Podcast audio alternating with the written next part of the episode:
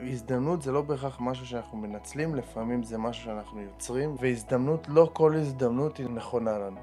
זאת אומרת, זה לא רק שצריך לדעת לנצל הזדמנות, אלא גם צריך לדעת ולזהות מראש האם ההזדמנות הזאת היא באמת הזדמנות, או דווקא כביכול הזדמנות, אבל לא בשבילנו.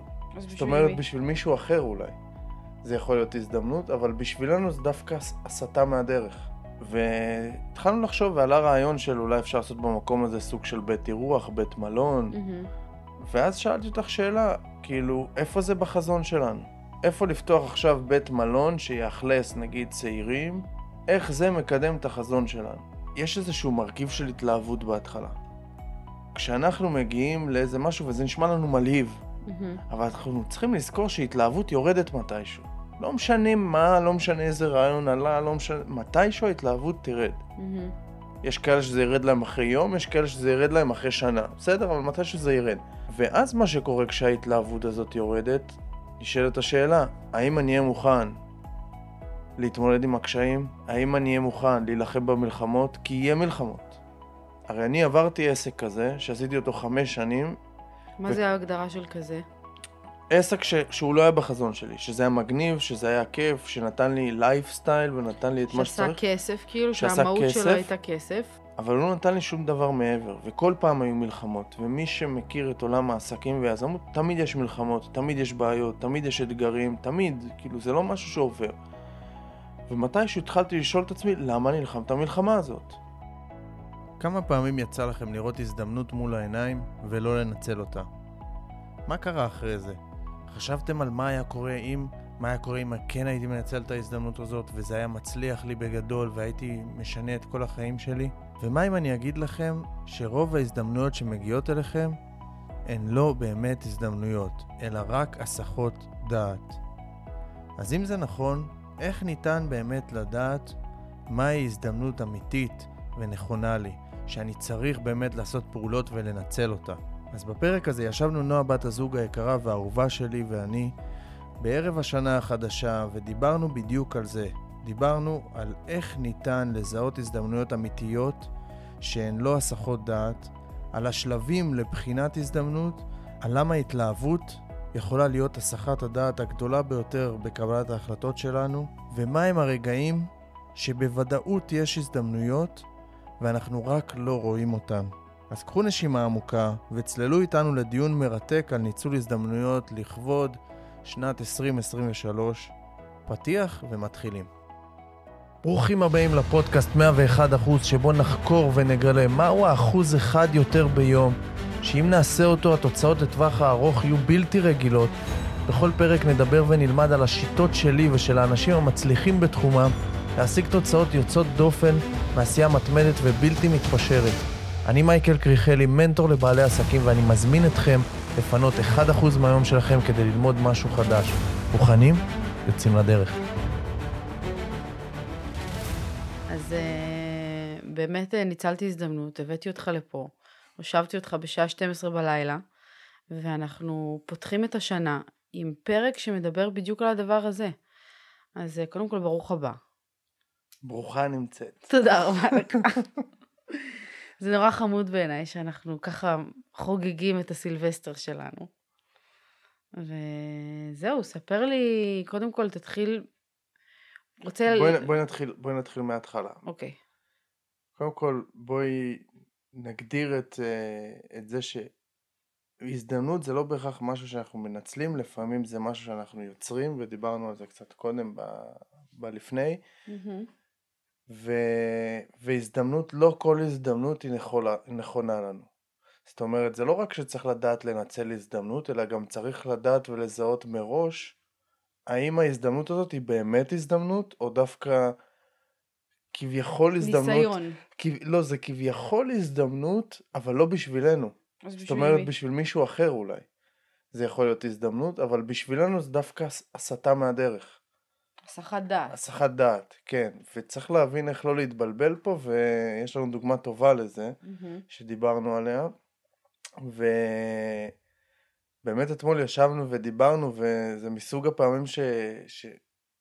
שאלת אותי שאלות, כאילו, ודיברתי, ואני תוך כדי שאני מדבר, אין לי איזה סיסטם לזה, או אין לי איזה משהו כאילו שחשבתי על זה. חשבתי על זה אתמול במקלחת, שזה אחלה דבר ללמד אנשים אה, איך לנצל הזדמנויות באמת. Mm-hmm. אבל פתאום כשדיברתי, דברים עלו לי, וואלה, בואנה, זה מעניין. כאילו, הייתי גם בכובע המדבר ומלמד כביכול, וגם בכובע הלומד. כאילו, אני גם מעביר איזשהו תוכן שדיברתי איתך שהיה מעניין, וזה גם כאילו, אני הקשבתי לעצמי ואמרתי, וואלה, זה ממש ממש מעניין. וואלה, איזה כאילו, טוב אני. לא, לא באיזה קטע של איזה טוב. יש, יכול להיות שיש פה משהו. יכול להיות כן. שיש פה משהו. אז אני שמח שאנחנו מדברים וזה יהיה מתועד קודם כל. מהמם. אמ, אני אתן לזה הקדמה, כי בפ... גם בפרק הקודם אה, דיברתי על זה בכמה מילים, וגם אה, הקדמה באמת למה הלך שם במרפסת כשדיברנו, מאיפה כל זה התחיל, שבימים האחרונים אה, צצה, נקרא לה הזדמנות, כי חווינו אותה כהזדמנות ברגע הראשון ששמענו אותה. איזושהי הזדמנות עסקית מאוד מאוד גדולה, בקנה מידה הרבה יותר גדול ממה שהתכוונו לעשות או התכוונו להרים בזמן הקרוב, משהו כאילו אדיר בגודל שלו, בהיקף שלו, וככל שדיברנו על זה יותר לעומק, כאילו, וההתלהבות אה, התפוגגה סביב הדבר הזה, והבנו מה באמת מצריכה ההזדמנות הזאת, במרכאות, אז פתאום השתנתה לנו המחשבה ושאלנו את עצמנו, האם זה באמת הזדמנות, או כמו שאמרת קודם, האם זאת בעצם סתם הסחת דעת, והיא לא באמת תורמת לנו למה שאנחנו רוצים להשיג. נכון, ובואי, אני אפילו רוצה שטיפה, כדי שזה יהיה יותר מובן, כדי שזה יותר, יהיה יותר מובן באמת, אני רוצה שאפילו טיפה נפרט על ההזדמנות הזאת. אה, בלי שמות ואנשים ודברים כאלה, אבל כן נפרט שזה יהיה ברור. כן. הגיע לידינו איזושהי, איזשהו מידע ממקור אה, ראשון, אמין. כן, שיש יש מקום שניתן להשכיר אותו, מקום פיזי שניתן להשכיר אותו, שהוא בגודל של 2,000 מטר, במיקום מרכזי, אה, קרוב לתל אביב, שיש גם רכבות שיהיו שם, איזה מתחם... ואיזשהו אה, מתחם ומתחם מסחר שכבר הכל מושכר ורק זה לא הצליחו להשכיר עדיין. מהמם. והעניין הוא, קודם כל 2,000 מטר זה משהו ענק, אין לנו, לא היה לנו באמת מה עושים עם המתחם הזה, אבל התחלנו לחשוב, אוקיי, יש מקום להשכיר, והקאץ' פה, כאילו הדבר הטוב זה שיש לנו השקעה, זאת אומרת שבעל הנכס נותן לנו, יכול לתת השקעה של בערך 5 מיליון שקל. בסדר? 5 מיליון שקל על כביכול שיפוץ ועוד דברים שיהיה בנכס, כל מה שאנחנו רוצים לעשות. שזאת אומרת, אתה מתחיל עסק די עם... בלי מש... כאילו עם משאבים שקיבלת, עם השקעה שאין להם אחוזים מהעסק שלך, העסק כולו שלך, מהמם. וזה משהו, כאילו זה חתיכת בוסט לפתיחת עסק, כן. לתחילת עסק המיוחד. אז ישבנו והתחלנו לחשוב, מה יכול להיות במקום הזה, כאילו מה צריך, אני העליתי שאלות, שאלה הראשונה שאני שואל, אוקיי, זה בלו... סוג של פריים לוקיישן כזה, אבל מה אנשים צריכים שם? מה חסר שם? מה אין שם? זה הדבר הראשון שעניין אותי. מהמם. זאת אומרת, לא, אה, מגניב, בא לי לעשות משהו כזה וכזה, אז בוא נשים את זה שם. אבל זה כן נקודה שעלתה לנו, כי אנחנו כרגע כן יש לנו איזה עסק שאנחנו התחלנו לקדם, את הרעיון נכון. של הליווי פודקאסטים, שזה משהו שכבר צובר תאוצה באיזשהו אופן. נכון, וכן ניסינו, באותו רגע שישבנו שם והתחלנו להריץ את הרעיון הזה, ניסינו להדביק את הרעיון שלנו לתוך התמונה הזאת. נכון. עכשיו, עכשיו עולה לי עוד משהו, כאילו, כמה דברים על זה. זאת אומרת, יש לנו את הרעיון של אפשר לעשות את העסק של הפודקאסטים, אפשר לעשות את זה שם. השאלה, אם צריך לוקיישן כזה בשביל לעשות את העסק של הפודקאסטים. כן, צריך אלפיים כאילו, מטר. אלפיים מטר עוד לא, אנחנו עוד לא יודעים כמה ביקוש יש לדבר הזה. מהמם, זאת אומרת, כמה אנשים ירצו, אלפיים מטר אפשר לעשות שם 50 חדרי פודקאסטים. מהמם. זאת אומרת, האם בכלל יש מספיק אנשים שרוצים לעשות פודקאסט בשביל שיהיה 50, פ- כאילו, יש, יש, יש איזה ביקוש, או מה עוד אפשר לעשות? אולי חדרי מוזיקה, אולי עוד דברים כאלה. והשאלה הנוספת היא, זה במרכז פריים לוקיישן עם שכירות גבוהה, האם זה נכון? האם כאילו גם אם החלטנו שעושים משהו של פודקאסטים, למה אנחנו צריכים לוקיישן כזה? כי כל השיווק, זה לא שאנשים עוברים במרכז מסחר, ואז אומרים, אה, יש פה כאלה שעושים פודקאסטים, יאללה, מגניב, אני בא לעשות. מהמם. אז למה לשלם שכירות כל כך גבוהה? אז זה גם כאילו איזשהו משהו, ושדיברתי, הבנו שאולי הפודקאסטים זה לא הדבר הנכון לשם כרגע. יכול להיות בעתיד. צריך להתחיל את זה בצורה אחרת, כי יש לנו לוקיישן כבר, יש לנו מקום ויש לנו גם סוג של הזדמנות Mm-hmm. אה, עם המשרדים של אימא שלך, נכון. שאפשר להפוך שם את המקום. הרבה יותר נוח לנו גם. והתחלנו לחשוב ועלה רעיון של אולי אפשר לעשות במקום הזה סוג של בית אירוח, בית מלון, Mm-hmm. זה מיקום טוב ויש שם, אה, לא- לא יכול לפרט יותר מדי דברים מה יש בלוקיישן הזה, אבל יש כל מיני דברים ש, שסוג של בית מלון, בית אירוח כזה, שתומכים ברעיון. כן, זה יכול להיות טוב. Mm-hmm. והתחלנו לפתח את זה וחשבנו וזה, ויש לנו את הקשרים הנכונים לאנשים שיש להם בתי מלון, כי אנחנו לא באים מהתחום, ויש לנו קשרים לאנשים שיש להם, והם יודעים להגיד לנו איך זה עובד, קודם כל מבחינה חוקית, מיסים, כל הדברים האלה, מבחינת רווחיות, מה צריך, כמה עלויות, וגם מבחינה של הניהול של הדבר הזה. כן. ואז שאלתי אותך שאלה, כאילו, איפה זה בחזון שלנו? איפה לפתוח עכשיו בית מלון שיאכלס נגיד צעירים? איפה זה בחזון שלנו? איך זה מקדם את החזון שלנו? זאת אומרת, האם, הרי לך יש חזון, לי יש חזון, יש לנו את החזון המשותף, האם זה מקדם את החזון שלנו באיזושהי צורה? אז תראה, אני חושבת שברגע שאתה בשלב של התלהבות מאיזושהי הצעה שהיא מגיעה לידיים שלך, האוטומט זה שאתה מדביק את החזון שלך לתוך הדברים. אתה אומר, נגיד, יש לנו את הרעיון של אדמס, יש נכון. לנו איזשהו רעיון למיזם מאוד גדול שבתחום הנדל"ן והתיירות, כאילו, שכשחשבנו פתאום על בית מלון, אמרנו, וואלה, זאת יכולה להיות נקודת התחלה סבבה לזה, טובה. אני חשבתי שכאילו, אנחנו כן יכולים להפוך את זה באיזושהי צורה להתחלה של המיזם שאנחנו רצינו ליצור גם ככה. כי בדיוק מה שאני אומרת זה שברגע שאתה מקבל איזושהי הזדמנות באופן אוטומט המוח שלך אומר אוקיי יש לי מסגרת מסוימת של משהו שהגיע לידיי איך אני גוזרת ומתאימה את זה למה שגם ככה לחזון שגם ככה כבר יש לי וכבר התלהבתי ממנו מאוד. ואז, כאילו, ואז מה קרה? ושאלתי אותך את השאלה הזאת. שאלתי אותך, האם אנחנו לוקחים איזושהי כביכול הזדמנות או לוקיישן שחשבנו, ופתאום אנחנו מנסים לכפות את החזון על המקום. זאת אומרת, זה כמו שבן אדם לוקח עכשיו אה, מוצר שאומר, וואו, אני חייב לעשות את התוכנה הזאת, אני חייב לעשות את הסטארט-אפ הזה, זה מה זה מגניב, זה מה זה זה, זה מה זה זה. והוא עושה והולך ומייצר את המוצר ועושה הכל ומפתח אותו ועשה מוצר מדהים ואז בסוף הוא מסתכל ואומר וואלה אין ביקוש לדבר הזה כמה שזה מדהים אנשים לא צריכים את זה אז מה עשיתי פה? הבנת כאילו קודם כל אני חייב לבדוק מה כאילו מה אנשים צריכים שם וכשאנחנו מנסים לכפות את החזון שלנו על המקום אז איפשהו כאילו התהליך לא נכון כי הרי מה, מה בחזון שלנו? בחזון שלנו זה בכלל פונה לקהל יעד אחר. Mm. זה בכלל בתצורה, כן זה בתחום התיירות, Mm-hmm. אבל זה בתצורה אחרת לגמרי. זה כאילו שונה לגמרי וזה בא לפתור בעיה מאוד ספציפית שזיהינו שיש. שפה אנחנו בכלל פותרים בעיה אחרת לגמרי. אז תן לי לשאול אותך שאלה. מה גרם לנו ברגע האמת כשישבנו שם עם דניאל ל- ל- לחשוב שמדובר פה בהזדמנות כאילו? או, זו שאלה, שאלה מדהימה. יש משהו שנקרא כשעולה איזשהו רעיון ופתאום, במיוחד שאנחנו לא מכירים את המספרים ולא מכירים את התחום ולא זה, זה כאילו זה, נש... זה מאוד אמורפי, דברים מאוד אמורפיים, אומרים לנו אלפיים מטר, שש חמש- מיליון שקל? חמש מיליון השקעה, אתה מהמם. לא צריך לשים כסף מהבית, לא צריך כלום, אין לך אפילו את העסק בראש הזה, על פניו הזדמנות. כן. ואז אני אומר, יכול להיות שזו הזדמנות של מישהו אחר ולא שלנו, שזה בסדר. ומה שגרם לנו זה פשוט, יש איזשהו מרכיב של התלהבות בהתחלה. כשאנחנו מגיעים לאיזה משהו וזה נשמע לנו מלהיב, מהמם. אבל אנחנו צריכים לזכור שהתלהבות יורדת מתישהו. לא משנה מה, לא משנה איזה רעיון עלה, לא משנה, מתישהו ההתלהבות תרד. מהמם. יש כאלה שזה ירד להם אחרי יום, יש כאלה שזה ירד להם אחרי שנה. בסדר, אבל מתישהו זה ירד. מתישהו זה יהיה איזשהו, מה שנקרא day to day job.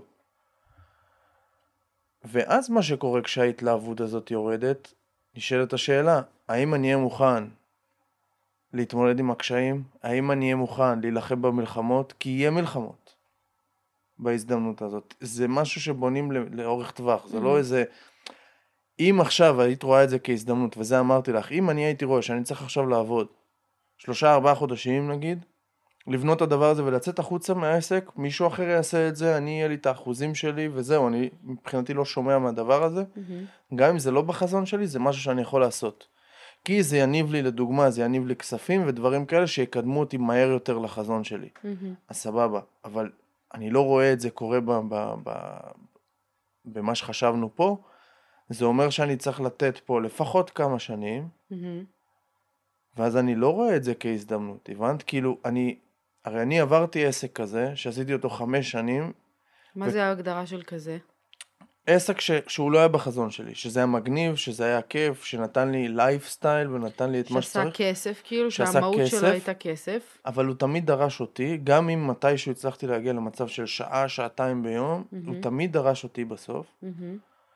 אבל הוא לא נתן לי שום דבר מעבר, וכל פעם היו מלחמות, ומי שמכיר את עולם העסקים והיזמות, תמיד יש מלחמות, תמיד יש בעיות, תמיד יש אתגרים, תמיד, כאילו זה לא משהו שעובר. ומתישהו התחלתי לשאול את עצמי, למה אני נלחם את המלחמה הזאת? ומתישהו החלטתי לוותר.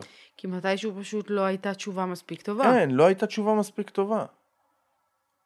וזה מה שנקרא על החזון שלך, ו- ואם ההזדמנות הזאת הייתה, ספציפית זאת, מתכתבת עם החזון שלנו, אז אנחנו יכולים לאכול את החרא בדרך, ולהתקשות בדרך, ובאמת אנחנו רואים לתת, כאילו למה. לתת את הנשמה, כאילו, כדי שהדבר הזה, כי, כי להרים משהו גדול, זה, זה מאוד מזוכיסטי להיות יזם. וכאילו, אתה צריך להבין בתור יזם, שאתה הולך לקבל כאילו כאפות מהעולם ש, שאנשים שהם לא יזמים לא מקבלים. כמו מה? אתה יכול להיות למעלה יום אחד, רמת חיים אחת מסוימת, יום אחרי אתה יכול להיות למטה. כאילו יש איזה חוסר אתה- ודאות מאוד גדול. תמיד. מהמם. תמיד יש את זה, ולא משנה כאילו איך אתה בונה, כאילו לא חסר סיפורים של אנשים שהיו מולטי מיליונרים ונפלו ואיבדו הכל. מה שאתה אומר עכשיו מתחבר לי לאיזושהי נקודה שדיברתי עליה בפרק של אתמול, שקראתי לפרק אה, אה, are you crazy enough. וכשאנחנו יצאנו מדניאל באותו יום נסערים כאילו מהרעיון ועפנו כאילו על זה בכל צורה אפשרית ואני בכלל השתגעתי באוטו ואמרתי לך וולט דיסני ואנחנו בחדר המדמיין ואל תבקר את הרעיון רק תפתח אותו וזה אז מה שנתפס לי בראש זה המשפט הזה ששמענו אותו כל הזמן בסדרה של אה, בסדרה התיעודית על אה, אה, אדם ניומן על ווי וורק, כן. על ווי וורק, שכאילו כל הזמן שאלו אותו, לא היה שם איזה משקיע יפני שכל הזמן נכון. אמר לו, are you crazy enough? כאילו הרעיון שלך הוא מספיק משוגע, כי כמה שאתה תהיה משוגע בראש שלך, וכמה שתיקח את זה רחוק יותר, אז הסיכוי שלך להצליח בגדול הוא גדול יותר. וגם הסיפור שלך ליפול לקרשים הוא הוא גדול, גדול יותר, כן. כן. אז כאילו כשהייתי ברגע הזה, והייתי בתוך כל ההתלהבות הזאת, אז אמרתי לעצמי, זה שזה נראה לי כאילו לא בדיוק יושב על החזון שלי, וזה שזה נראה לי כאילו מגניב אבל קשה, אולי זה בדיוק מה שאני צריכה כדי לקחת, כאילו אולי זה בדיוק מה ש... אולי ככה נראית הזדמנות. אולי ככה נראית הזדמנות טובה, שהיא כאילו לא הכל בדיוק יושב, ואתה צריך להתאים, ואתה צריך זה, אבל אולי לא באמת, אולי זאת סתם שאלה מכשילה, כאילו אם אתה מנסה אה, אה, להתפוצץ מעל הדבר הזה ולקחת איזה משהו ולהיות באמת משוגע, כאילו האם יש קשר בין השניים? אבל הש... גם השיגעון, אם השיגעון קשור לחזון שלך, זאת אומרת, אם יש לנו את החזון הזה ואני מוכן להיות crazy enough, מהמם. אני אוכל להיות crazy enough לאורך שנים. כשזה לא בחזון שלך, וזה לא משהו ש... ש... ש... אני יודע שהרעיון הזה הוא נטו התלהבות. מהמם. הוא נטו התלהבות של שתרד. מה יקרה אחרי שההתלהבות תרד? כשההתלהבות תרד, לא יהיה בא לך להתעסק בדברים שהדבר הזה מצריך לך להתעסק. אם חשבנו על בית מלון כזה, לא יהיה בא לך פתאום ש... קודם כל אנחנו לא יודעים בכלל מה הקשיים של בית מלון, כן? אבל לא יהיה בא לך פתאום עכשיו, אין, אין אה, איש בדלפק, חולה, זה, אין לנו עובדים, את צריכה ללכת להיות בדלפק יום שלם עכשיו. מהמם. כי זה העסק שלך, ומישהו צריך לתפעל את זה, ומישהו צריך להיות שם. בהתחלה לא הבנו, עדיין לא בנינו את זה מספיק טוב, לא יהיה בא לך לעשות את זה. כן. אם זה בחזון שלך, אז fuck it, אני עושה את זה כי זה, זה, זה גדול ממני. מהמם. אני עושה מה שצריך, אני עושה מה שצריך, כי יש משהו שהוא גדול ממני, שאני הולך אחריו, ואני משקיע בו מבחינתי lifetime. כי אני רוצה שהוא ימשיך אחריי גם, והבנת? ו... אז פה ישר הבנתי שיש פה התלהבות, וגם, את זוכרת ששאלתי אותך? מה? אם עכשיו הרעיון של אדמס והרעיון הזה היו באים בו זמנית, שניהם היו מגיעים בו זמנית, בדיוק. ממה היית מתלהבת יותר? לא, לאיזה כיוון היית הולכת? לאדמס. אמרת לי את זה חד משמעית, כאילו היית זונחת את הרעיון השני בצד, אז את מבינה כאילו שזה העניין, ובואי נדבר רגע על התלהבות. הגיעה הזדמנות, הגיע לנו רעיון על אדמס. אני לא יודע אם הרחבת פה בפודקאסט שלך אה, על זה או לא, אבל הגיע לנו הרעיון וההזדמנות על אדמס, והבנו שאנחנו צריכים לחכות עם זה לפחות עוד כמה חודשים. זאת אומרת, דיברנו, פיתחנו את זה, עשינו. ישבנו לילה, בוא ניתן להם איזושהי הצצה לרגע הזה שישבנו שם.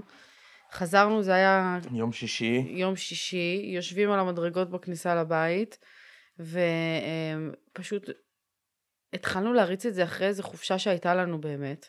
נכון. והתחלנו להריץ כל מיני דברים, כל מיני נקודות שהיו שם. ישבנו עד ארבע בבוקר. כן. חיברנו כל מיני נקודות, הר- הרמנו כל מיני uh, רעיונות, ובסוף מצאנו את עצמנו מלהיבים אחד את השנייה על עוד דבר ועוד דבר ועוד דבר ועוד דבר, שיצרו איזשהו רעיון שלם, איזשהו קונספט שלם, שאנחנו אוהבים אותו, שאנחנו מבינים למה הוא כל כך בוער בנו, איך הוא מתח... מס- מסתדר באמת עם החזון שלנו. עכשיו, הרבה דברים גם הסתדרו שם, כי קודם כל זה הסתדר מאוד עם החזון שלנו, זה היה מעבר להתלהבות, זה היה גם, יש שם הרבה דברים כדי שהרעיון הזה יצליח, צריך, מצריך יכולות ואיכויות שיש לנו אותם. יש לנו אותם, זה מצריך הרבה אנשים, שגם את האנשים האלה יש לנו אותם.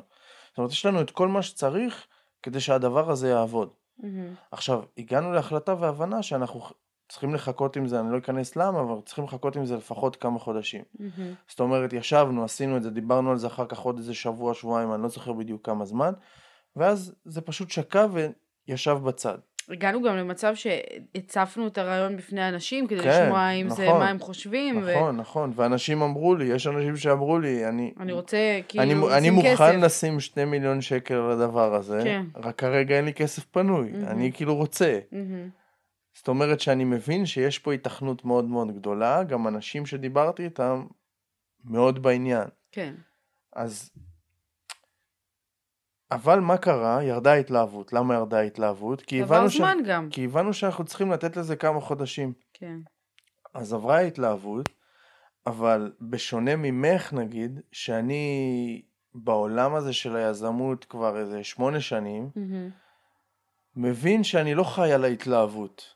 מבין שיש התלהבות, אני מנצל אותה, אבל אם ירדה ההתלהבות זה לא אומר שאני לא הולך לעשות את זה. אוקיי, שמתי את זה בצד, אני יודע שיגיע הזמן. זה לא מקום של דחייה, כי יש הרבה אנשים, במיוחד יזמים בתחילת הדרך, חושבים רעיונות, רעיונות, רעיונות, רעיונות, ולא מוציאים לפועל כלום. מהמם. אז אני יודע שאני כבר הוצאתי לפועל כמה דברים, אז אני סומך על עצמי שגם אם התלהבתי ורגע שמתי את זה בצד, זה לא יישכח לי. כן. זה לא משהו שפתאום, אה, כבר זה לא מתאים. זה משהו שאני יודע שאני הולך לעשות, מהמם. כי זה משהו שדיברנו עליו ועברנו על כל הדברים והוא עמד לנו בכל הקריטריונים. אז פה יש הזדמנות ופה יש גם את הסבלנות. ו- שזה מצרך נדיר. כן, בדיוק. שחייב את הסבלנות הזאת, כי יש טיימינג לדברים שצריך לעשות, אבל זה, אני מבין אותך שזה קשה. כאילו, כי לך ירדה ההתלהבות, ומבחינתך אם ירדה לך ההתלהבות, אז זה כבר, זה כבר, אני לא יודעת מתי נעשה וזה, אני אומר לך, נועה, זה עוד, עוד, עוד איזה חודשיים, שלושה, כאילו הדבר הזה מתחיל, ואת כאילו כזה, כן, אבל, וזה, כי יש לך עכשיו התלהבות, אבל אני יודע בוודאות, שאם נדבר על זה עוד חודש, הרעיון שהיה לנו עכשיו שאנחנו מדברים עליו, זה כבר בכלל לא יהיה בראש שלך. מהמם. הבנת? אז אם נסכם רק את הדבר הזה בסוף, יש תמיד הזדמנויות, מהמם. אבל לא תמיד ההזדמנויות שלנו. יש פה שאלה שכתבתי תוך כדי שדיברת, וזה מתאים לי לסיכום, של אם אתה צריך להוריד את זה ממש לשאלות פרקטיות, של מה היה, כי אני זוכרת כשישבנו אתמול במרפסת ופענחנו את הלמה זה לא באמת הזדמנות שלנו, אז כאילו ראיתי את הגלגלי מוח שלך עובדים, ישבת כזה, נשענת לאחור, וכאילו חשב, האיש הכחול שבך ממש יצא החוצה, ראיתי את הגלגלים עובדים, ופשוט הורדת, הוצאת לאוויר העולם הסברים מאוד ברורים ללמה זאת לא ההזדמנות שלנו. אז השאלה שאני שואלת היא, מה היו השאלות ששאלת את עצמך, כדי שמי שנמצא פה בצד, בצד השני, ומאזין, מאזינה לפרק הזה, ואומר לעצמו, וואלה, יש לי הזדמנות כרגע. איך אני יודע, או מה אני צריך לשאול את עצמי כדי לדעת האם זאת הזדמנות שלי, או בכלל זו הזדמנות של מישהו אחר, אולי מדובר בהסחת דעת בכלל. קודם כל זו שאלה ממש ממש טובה, וכאילו זה יוריד את התיאוריה, סוג של הפרקטיקה, ואני אני אתחיל, אני לא יודע כמה, כמה בצ'קליסט, כאילו כמה, שבע הדרכים ל, או שש הדרכים, או חמש, אז אני לא יודע, אבל נתחיל עם זה ונגיד הדבר הראשון, mm-hmm. זה האם זה מתכתב עם החזון שלי. זאת אומרת, לא שאני אעקם את החזון ואגיד, כן, בסדר, זה כאילו איכשהו זה יתקשר וזה, כי בסוף, תכלס, שיש לך חזון מסוים, כל דבר גם שיניב לך כסף. לא משנה באיזה דרך הכסף הזה, זה יכול לקדם לך את החזון. כי בסוף כסף, אם משהו אחד יכניס לך הרבה מאוד כסף, זה יעזור לך לקדם את החזון שלך, שהוא כנראה מצריך כסף. אבל זה קצת מסבך את העניינים. אז, אז זהו, אז אני אומר, לא להסתכל על זה ברמת כסף, כי כאילו הרבה אנשים תמיד אמרו לי, כן, אבל אתה יודע, אתה רץ רק אחרי החזון שלך וזה, אבל זה יביא לך כסף, והכסף הזה יעזור לך לחזון. יעזור לך לעסק שאתה רוצה להקים ליזמות. סבבה, אבל זה ייקח ממני הרבה זמן ואנרגיה. Mm-hmm. אם אני יכול, כאילו כמו שאמרתי לך ככה, אם עכשיו אני יכול לשים, יש משהו שאני רואה הזדמנות וזה יקדם אותי, אני יכול לשים מיליון שקל ולא לא להיות קשור לזה, או להיות קשור לזה רק באחת לרבעון, החלטות מאוד מאוד גבוהות, סבבה, אני יכול לעשות גם אם זה לא ממש קשור לחזון שלי, mm-hmm. כי אני רואה פה הזדמנות כלכלית. Mm-hmm. אבל אם זה מצריך ממני את הזמן שלי, שאני אהיה שם, ואני מצריך את היזמות שלי, את ה... באמת את המלחמות, להילחם את המלחמות, ולהיות שם, ולחוות את הקשיים ואת האתגרים, אז זה לא שווה אם זה לא בחזון שלי. כאילו, אני רואה את זה ככה, שאם זה לא בחזון שלי, זאת לא הזדמנות. וואו, זה אוקיי? ממש כאילו... אם, לא בח... אם זה לא בחזון שלי, זאת לא הזדמנות. עכשיו, כמו שאמרתי, סייג אחד זה אם אני יכול להשקיע ממש מעט זמן כדי לייצר מבחינה כלכלית הרבה מאוד, mm-hmm. אז יכול להיות שכן, גם אם זה לא בחזון שלי, אבל זה הסייג היחיד. אז אני יכולה לנסח, כאילו אז אמרנו שאחד זה לשאול את השאלה האם זה מתכתב עם החזון שלי, נכון. ואני יכולה להסיק מזה שהדבר השני הוא כמה זמן ואנרגיה ההזדמנות הזאתי תגזול ממני, נכון, תיקח ממני? נכון, נכון. אוקיי. אם זה מתכתב עם החזון שלי, mm-hmm. אז זה לא בהכרח משנה כמה זמן ואנרגיה כן. זה ייקח ממני. אם זה לא מתכתב עם החזון שלי, אז זה מאוד מאוד משנה. אז פה אנחנו גם יוצאים מאיזושהי נקודת הנחה, שמי שעוד לא דייק את החזון שלו, מראש נמצא באיזושהי נקודה נמוכה יותר, וקשה לו יותר לדעת לזהות הזדמנויות. עכשיו, חשוב, כאילו חזון זה בדרך כלל מתכתב עם uh, יזמים, רק מי שיזם, רק מי שבעל עסק. אבל גם העובד השכיר, או העובדת השכירה, או לא משנה באיזה תחום, לא משנה במה, צריכים להבין מה, למה הם פה. Mm-hmm. למה אתם פה בעולם הזה? מה באתי לעשות? מה באתי לשנות? מה באתי לעשות? זה לא חייב להיות דברים גרנדיוזיים וענקיים וזה, אבל למה אני פה? מה אני עושה בעולם? מעביר את הזמן? מה אני רוצה להשאיר אחריי? יכול להיות, כל אחד ישאל את השאלה איך שהוא, אבל כאילו, כנראה שלא הגענו לכאן כדי להעביר את הזמן פשוט. Mm-hmm. אז בוא נשאל את השאלה הזאת רגע. למה אני פה? מה אני בא לעשות? מה אני בא לשנות פה? גם אם זה יכול להיות קטן. גם אם זה יכול להיות משהו... למה אני בא... ואז, ואז יהיה לי יותר קל לזהות הזדמנויות. כי אז אני גם... זה מאוד קל לי. מאוד קל לי לקבל החלטה על הזדמנות. מתכתב עם החזון שלי? אוקיי, אני ממשיך לבחון את זה, כי יכול להיות שזה עדיין לא הזדמנות, את יודעת. מתחיל לבחון את זה ברמה המספרית, ברמה מה זה דורש ממני. יכול להיות שהיינו אומרים אוקיי זה מתכתב עם החזון שלנו, היינו בודקים את זה מספרית ונכנסים טיפה לעומק ומבינים וואלה אין פה עסק, mm-hmm. לא מתאים לנו. למרות שזה מתכתב עם החזון. אז, אז הדבר השני זה כמה זמן ואנרגיה באמת.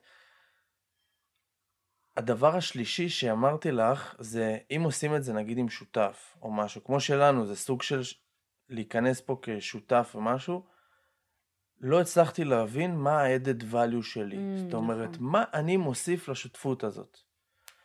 אני מסתכל ממקום מאוד של, גם אם מישהו יציע לי עכשיו הצעה ממש ממש טובה לשותפות, אבל אני לא רואה איך אני תורם לשותפות הזאת, לא מהניסיון שלי, לא מהידע שלי, לא מהכסף שלי, כאילו, אני צריך לתרום משהו בדבר הזה. אם אני לא תורם משהו, אז למה אני שם? אני, אני הרי לא מבין בתחום, לי אין את הקשרים עם האנשים, לשותף שהציע לנו את זה, יש את הקשרים עם האנשים, הוא מבין הרבה יותר ממני בתחום, וממך. Mm-hmm. לא צריך להביא פה כסף. הוא יודע טוב מאוד לנהל עובדים, הוא יודע טוב מאוד אז לבנות... למה בעצם הוא צריך אותנו? הוא יודע טוב מאוד לבנות חברות, למה הוא צריך אותי? אני יודע למה הוא צריך אותי ולמה הוא צריך אותך. עכשיו, אני יודע שהוא צריך אותנו כי הוא לא רוצה לתפעל שום דבר. אבל גם אני לא רוצה לתפעל דבר כזה שהוא לא בחזון שלי, וגם את לא רוצה. מהמם. הבנת? זאת אומרת ששנינו, שלושתנו, אני, אני כאילו אומר שנינו כי אני מתכוון לך ואליי כאחד, כשותפות אחת. שנינו במ- במצב הזה נמצאים על אותו קובייה, על אותו משבצת, גם אנחנו וגם השותף. מהמם. ששנינו רוצים להיות מחוץ לדבר הזה, שהעסק יתופעל על ידי מישהו אחר, צד כן. שלישי. אז אין פה, אין פה תרומה. אם היינו אומרים אנחנו, אנחנו נכנסים, אנחנו נעבוד בעסק, אנחנו ננהל את הדבר הזה, זה, אוקיי, אז יש פה תרומה.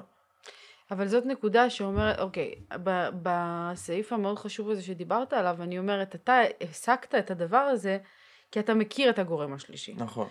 אז אם אתה לא באמת מכיר ויודע מה הכוונות שלו ומה הוא רוצה לעשות ובאיזה תפקיד לא, אתה הוא רוצה להק- לשמש, אז אתה, זה משהו שאתה חייב לברר. אתה באיזה כובע לשות- אתה רוצה אתה להיות נכנס ובאיזה כובע בן אדם אחר מישהו, רוצה לקחת. אני לוקח בחשבון שאם אתה נכנס לאיזושהי שותפות רצינית עם מישהו, אתה מכיר אותו באיזושהי צורה, אם אתה לא מכיר אז אתה צריך קודם כל לשבת ולהכיר טוב מאוד. מהמם. אתה לא מתחתן עם מישהו שאתה לא מכיר. כן, כאילו הכוונה נכון. היא ברמת מה אתה רוצה להשיג מהדבר הזה ומה אני רוצה להשיג מהדבר הזה.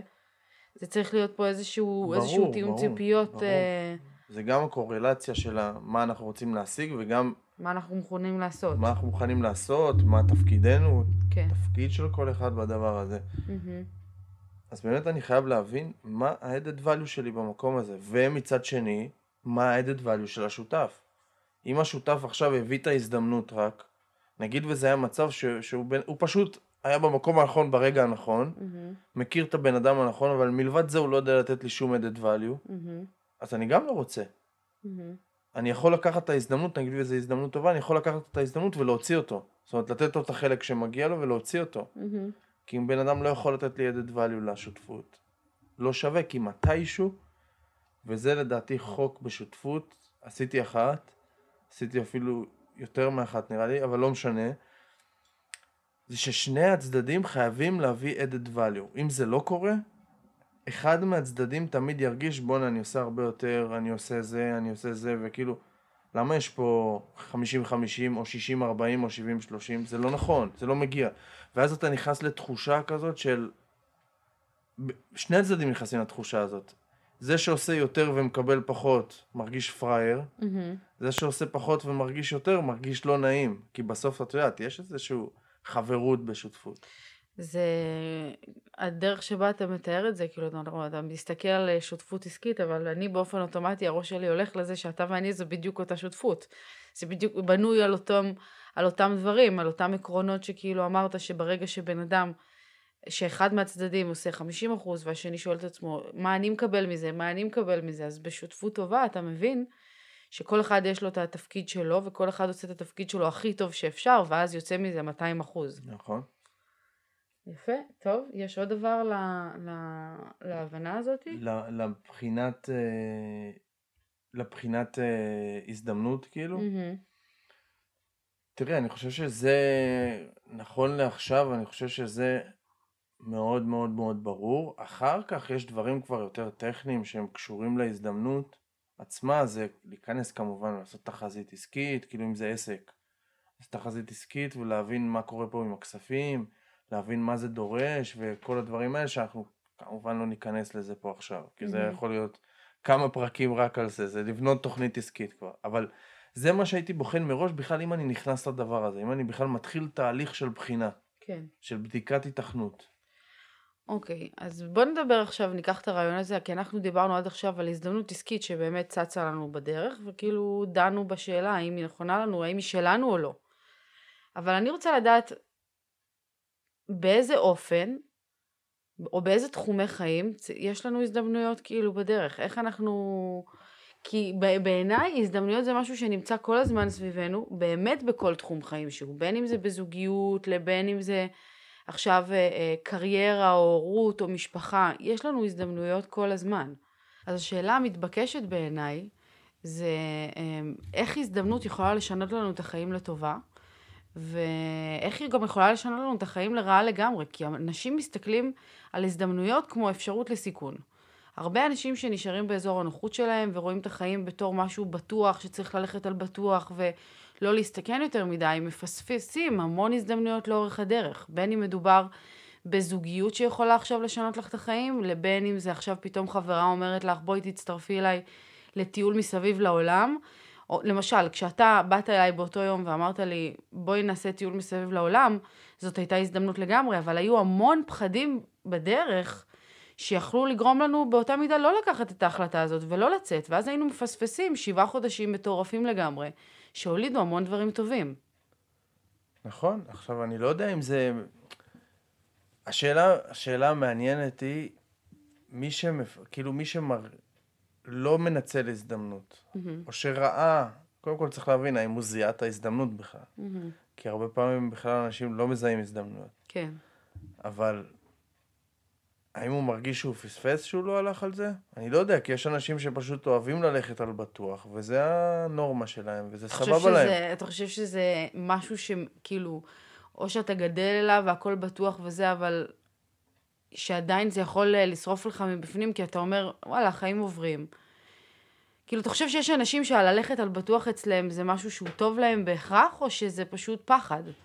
שזה משהו שהוא כאילו תוצאה של, אה, לא יודעת, איזה דרך חיים שאתה חי, ועדיף לי לא ללכת על סיכונים ולא לנסות שום דבר כדי לא לטעות, לא ליפול, לא לפספס. אז אני חושב שאנשים שלא מממשים את עצמם, לא מממשים את הפוטנציאל, לא חיים במשמעות, שהם פשוט באווירה של אנחנו מעבירים את הזמן, אז כן, כיף לנו בסוף שבוע, אנחנו סובלים בעבודה, אנחנו זה... אני חושב שאיפשהו תמיד יש להם בפנים את התחושה של חסר. Mm-hmm. תחושה של משהו, ש... משהו לא במקום. זאת אומרת, עכשיו אם אה, מישהו, מישהי מאזינים כרגע לפרק הזה, ושואלים את עצמם, האם אני בכלל מבין שכל ההזדמנויות האלה, או שבכלל יש הזדמנויות שצצות לי בדרך, ואני בוחר להתעלם מהן, ולעצום עיניים להזדמנויות האלה, כי יש אנשים שיגידו, בכלל לא קיבלתי הזדמנויות השנה הזאת. זה, זה, זה יפה שאת אומרת את זה, כי בדיוק באתי לשאול אותך שאלה, איך בכלל יודעים שיש הזדמנויות, או איך מייצרים הזדמנויות, או איך מזהים הזדמנויות. Mm-hmm. איך עושים את זה? זאת באמת אה, שאלה טובה, כי, כי אני באמת באמת מאמינה שבהגדרה שלי, הזדמנות זה איזשהו אבק פיות, זה איזשהו סימן, זה איזשהו מסר שהיקום, שהקדוש ברוך הוא שם לך איפשהו בדרך, ואומר לך, הלו, שים לב, הגיע לפה בן אדם, לא סתם הוא הגיע, קרה משהו בחיים שלך, למשל, עברנו לגדרה. איך עברנו לגדרה? כל הזמן שואלים אותי, איך הגעתם לגדרה? אם אנשים היו יודעים שלקח לנו שנה למצוא בית, ועברנו בהמון מקומות, וראינו מיליון בתים שעל כל בית אמרנו כן, וכולם אמרו לנו לא, כאילו, הדרך לבית הזה בגדרה הייתה מאוד טלטלה, סזיפית, ולא יכול להיות שלא הייתה פה התערבות אלוהית, כי אנחנו היינו מוכנים להגיד כן על כל בית שראינו. היה לנו איזה ש... שלושה או ארבעה בתים, שכאילו אנחנו מבחינתנו כן. חותמים עכשיו עם צ'קים. חותמים, ואנשים אמרו לנו בסוף לא, לא רצו, כאילו, כי זה היה בית גדול מדי, ולמה אנחנו באים זוג, לא נשואים, בשביל בית כזה, היה נראה לאנשים מוזר. כן. וכאילו היינו אמורים לעבור ל... או לתקוע, או לחולדה, או איפה עוד היה? אה, אני לא זוכר, כאילו היה עוד איזה כמה מקומות. נכון. שפשוט היינו יכולים למצוא משהו אחר. ו... מזכרת בתיה היה אחד. מזכרת בתיה היה. וכאילו הגענו לגדרה, ובגדרה פגשנו את עידו. Mm-hmm. שעידו היה סוג של נקרא לזה המתנה, לפחות שלי. לפני עידו היה את זה שכאילו רקפת וערן, שאלה אנשים שהזכירו לנו את הבית, גם בשבילם, כשחושבים על זה, הייתה פה הזדמנות. הייתה הזדמנות להם ולנו. הם זיהו בנו משהו שהרבה אנשים אחרים לא הצליחו לזהות בנו, שניסינו שהם יבינו, ואנחנו כאילו הצלחנו להעביר להם את הדבר הזה. זאת אומרת, הייתה פה הזדמנות דו-כיוונית שאני מאמינה, דרך אגב, עד היום אנחנו בקשר איתם, אני לפחות בקשר עם רקפת, ואני מאמינה שיום אחד ההיכרות הזאת תביא איתה משהו. כאילו משהו יתפתח מזה, ובאמת אחרי זה הכרנו את uh, עידו, שאנחנו... שהכרתי אותו לפני, כאילו איזה שלוש שנים לפני הכרתי אותו. לפני שהוא... מה?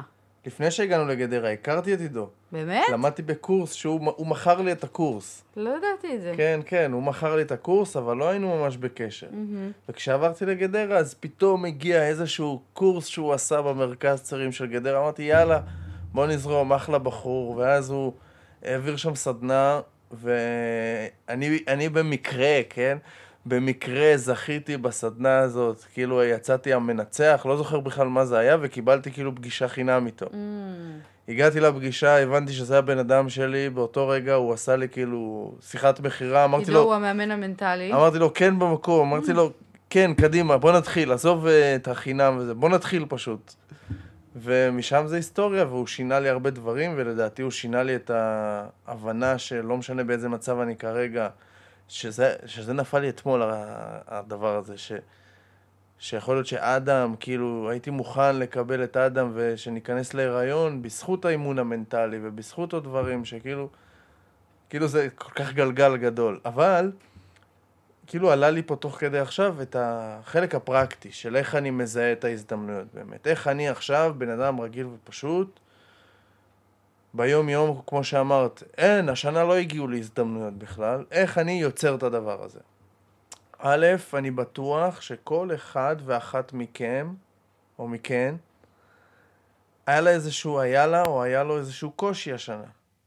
קושי, אתגר, משהו שהוא היה קצת יותר מהנורמה, קצת יותר מהרגיל. Mm-hmm. אם זה ברמת הכסף, אם זה ברמת הילדים, אם זה ברמת הזוגיות, ההורות, וואטאבר, לא משנה. ומה שקורה בדרך כלל, שזה שיעור שלמדתי בתחילת דרכי, שהתחלתי ללמוד את ההתפתחות אישית, אז זה כאילו כל הזמן שאלות שעלו לי. כל קושי או דבר, אפילו דברים נוראים שכאילו קרו לי, אמרתי, אוקיי, למה זה קרה לי? Mm-hmm.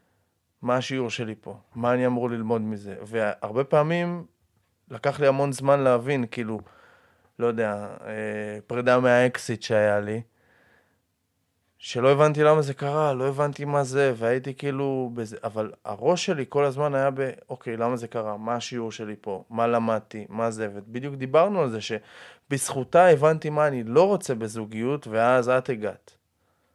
הבנת? כאילו, אז את הגעת, וזה... זה מאוד לא רומנטי, אני חייבת לציין. אני לא מנסה להגיד פה משהו רומנטי, אבל אז את, את הגעת במקום הזה, וידעתי בדיוק מה אני רוצה, ואת היית בדיוק מה שאני רוצה.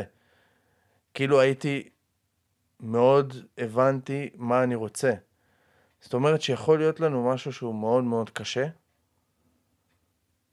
אם רגע נעצור ונבין ולא רק נתבאס על הקושי, או לא רק נתבאס על משהו שקרה, נעצור שנייה ונבין מה השיעור שאני לומד פה. מה, מה אני אמור ללמוד מהדבר הזה, ותמיד יש מה. אז פה זו הזדמנות. אז מכל קושי שלנו יש הזדמנות. Mm-hmm. זה מבחינתי, אצלי לפחות, בוודאות. כל קושי שהיה לי, היה הזדמנות. ואחר כך כשמסתכלים אחורה, אם אתם גם תסתכלו אחורה על, ה... על כל הקשיים שהיו לכם, אולי פתאום אתם תסתכלו, בואנה, זה קרה לי בגלל זה. בואנה, כשאנחנו חיפשנו דירה, הרי שאמרת, היינו מתוסכלים שאנשים לא מקבלים אותנו. Mm-hmm. את זוכרת את התסכול הזה? אשכרה, אנחנו מוכנים לשלם כסף, את השכירות, מה שהם רוצים. וגם אף פעם לא היו סיבות הגיוניות, כאילו לא הצלחנו להסביר את זה בהיגיון, את למה זה לא קורה. אין, סתם, לא, לא קיבלו אותנו, לא יודע אם בכלל, אפילו לא אמרו לנו את הסיבות, וזה היה מתסכל, ובסוף הבנו. כן, שזה פשוט... אה, לא היינו צריכים להיות שם. נכון. לא היינו צריכים להיות במקומות האלה, אז זה דבר אחד. הדבר השני זה, תנסו לשאול כמה שיותר שאלות. זאת אומרת, שאנחנו בשיחה, בן אדם חדש, שאנחנו מכירים אנשים חדשים, שאנחנו באים לאיזושהי חבורה חדשה, תנסו להכיר את הבן אדם החדש הזה, או אם אנחנו הגענו לזה, תשאלו שאלות, מה אתה עושה, מי אתה, כל מיני שאלות כאלה שפשוט פותחות את הבן אדם מהצד השני, mm-hmm. פשוט תקשורת פשוטה. ופתאום הוא יגיד איזה משהו, וזה יתחבר לנו. פתאום לא יודע, אם אנחנו עובדים שכירים, פתאום הוא יגיד שהוא מנהל איזושהי חברה כזאת וכזאת, וזה בדיוק. אני חושבת שזה מתקשר גם ל... לרעיון אחר שאומר שמה שאתה צריך או מה שאתה רוצה לזמן בחיים שלך, אתה קודם כל צריך להוציא את זה החוצה ברמה שהעולם ידע. אם את מחפשת זוגיות, ספרי לעולם שאת מחפשת זוגיות. אם אתה מחפש עבודה מסוימת, תבוא, תגיד את זה. בדיוק השבוע שעבר נפגשנו עם חברים, ויש לנו חברה שהיא אה, בלוגרית אופנה, מאוד טובה, אני מאוד מעריכה את מה שהיא עושה ואת הדרך שלה. ואמרתי לה, שני, פשוט תספרי לעולם שאת מחפשת שיתופי פעולה כאלה וכאלה. תגידי, את לא יודעת מי מכיר את מי.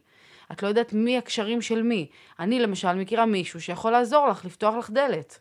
מבינה? אל תלכי רק בדרכים הקונבנציונליות ותגידי, אני אשאר בנישה שלי, אני אשאר בדרך ההגיונית לאיך הדברים עובדים. היגיון הוא באיזשהו אה, אופן אה, אה, אה, חסם מאוד גדול להזדמנויות, כי אם אתה הולך רק על מה הגיוני, ומה נכון, ומה נוח, ומה בטוח, אז הזדמנויות באמת לא יופיעו ולא תראה אותן בדרך, למרות שהן נמצאות שם כל הזמן. כי אם היום אנחנו נפגשים חברים, בטוח יש סיבה לזה.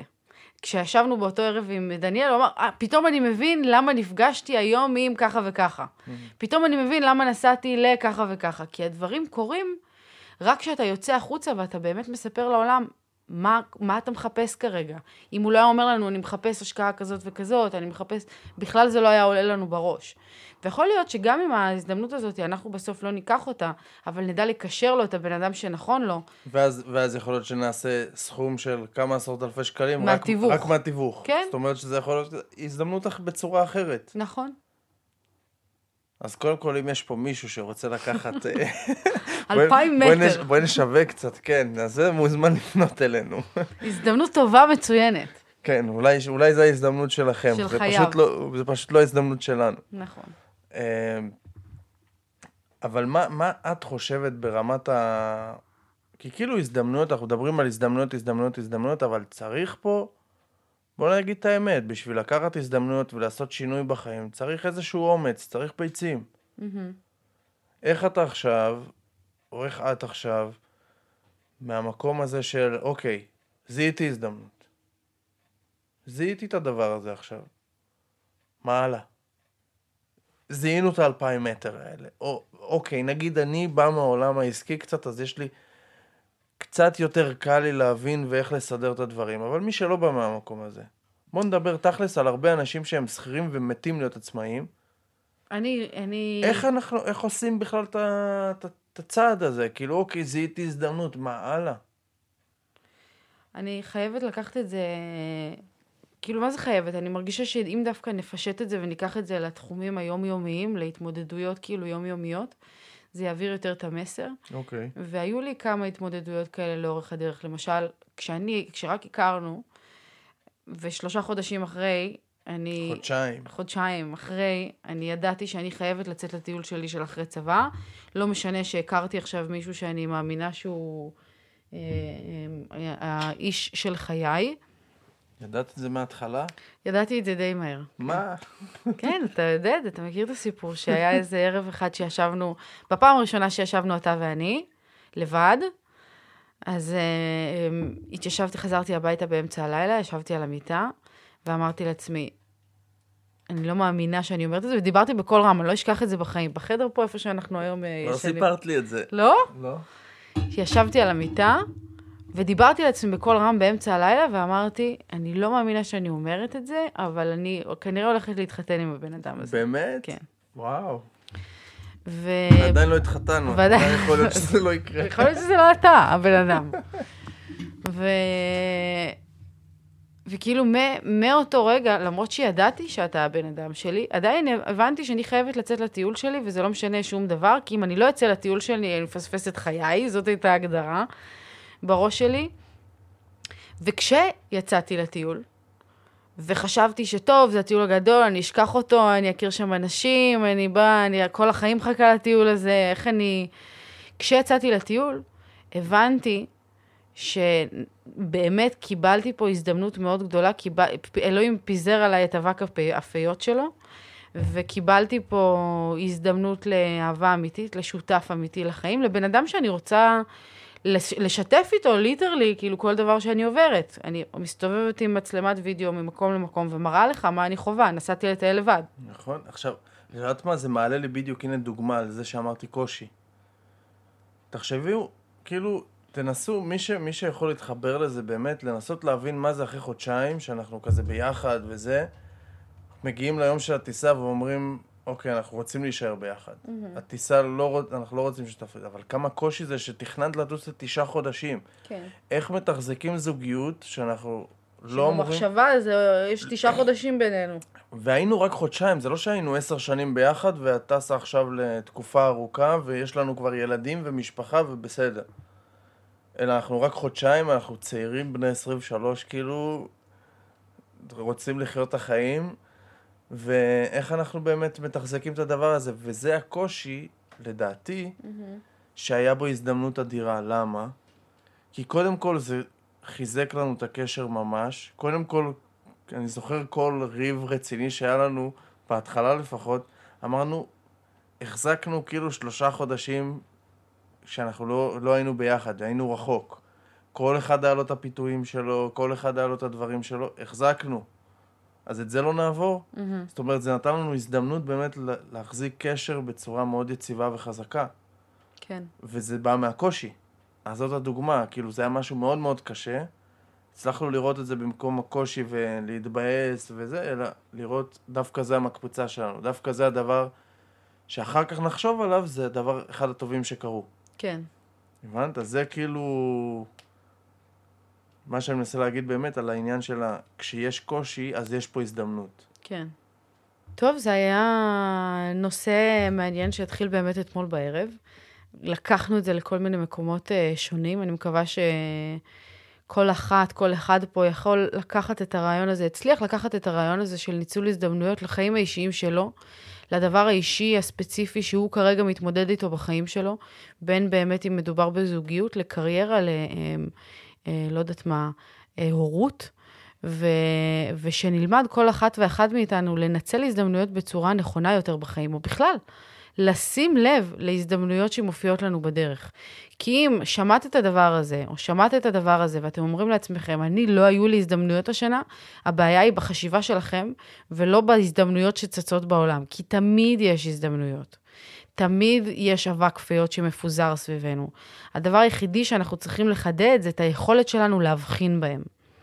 2022 נגמרה אתמול, ואי אפשר לשנות את מה שהיה, בין אם זה היה מדהים ובין אם זה היה זבאלה, מה שהיה היה, אבל אנחנו כן יכולות, כן יכולים לקחת את 2023 ולהפוך אותה לדבר הרבה, לשנה הרבה יותר עוצמתית, הרבה יותר חזקה, הרבה יותר משנה חיים ממה שהיה לנו עד היום. כל מה שנותר לנו זה רק לשים לב לסימנים בדרך, ולשאול את עצמנו את השאלות הנכונות ברגע שצצה הזדמנות, ולהבין האם היא שלנו או של מישהו אחר. אז uh, זאת הזדמנות להגיד uh, תודה רבה לשותף שלי, שלמרות uh, חילוקי דעות ועניינים שצפים uh, וצפו לאורך השנה הזאת, זאת גם ההזדמנות שלי להגיד לך uh, תודה רבה על כל מה שהיה פה, על כל האתגרים וה, והקשיים שצלחנו ביחד, על זה שזיהית הזדמנויות בתוך הקושי בהמון נקודות בחיים שלנו, אבל בייחוד בשנה הזאת שהייתה באמת, באמת, באמת לא פשוטה. אז uh, תודה רבה, אני אוהבת אותך מאוד. וזהו. תודה רבה על, ה... על השיח ועל הדיון, ו... תודה רבה לך על השנה הזאת. שנה מטורפת עם האדם וזה ודברים כל כך הרבה חדש, כל כך חדשים. ונוציא נוציא פה רק משהו אחד, שאולי השנה הזאת, מה שכולנו צריכים, ואני אומר כולנו כי זה גם אנחנו, גם אנחנו יש לנו יותר הזדמנויות לנצל ויותר הזדמנויות ליצור, זה קודם כל לשאול את השאלה שאמרנו שאפשר לשאול כל יום, are you crazy enough? Mm. כאילו, אולי לסיים את היום ולהגיד האם הייתי משוגע מספיק היום, וגם שאם באה הזדמנות, אם יש איזשהו, לא יודע אפילו להגדיר את זה, איזה רטט בלב, איזה משהו, איזה התלהבות כאלה, זה לא לדכא את זה רגע, לתת, לתת לזה מקום, ובמיוחד מי שבדרך כלל, או מי שאמרת ש... אומר, כל השנה לא היה לי הזדמנויות, אז מה אני יכול לעשות את השנה האחרת? כי משהו אני עושה לא טוב. אם לא היה לי הזדמנויות הרבה מאוד זמן, כנראה שאני עושה משהו לא טוב, אז בואו נחשוב מה אפשר לשנות. ונהיה כנראה שאני מוכן... חסום מדי, כנראה. כן, בואו נהיה מוכנים באמת לשינוי קודם כל. מוכנים לדו... לשינוי, שזה מתחיל בזה של להבין, ש... להבין שיש לי איזושהי בעיה. אם אני לא, אין לי הזדמנויות כל השנה, כנראה שיש לי איזושהי בעיה. אני חייבת uh, לסיים את הפרק בהזדמנות שממש אני מרגישה שפתאום ברגע הזה היא צפה. היו לנו uh, חילוקי דעות תוך כדי ההקלטה, ולפני שעשינו פליי והמשכנו את ההקלטה, זה היה כזה, אני בעמדתי, אתה בעמדתך, כועסים וזה.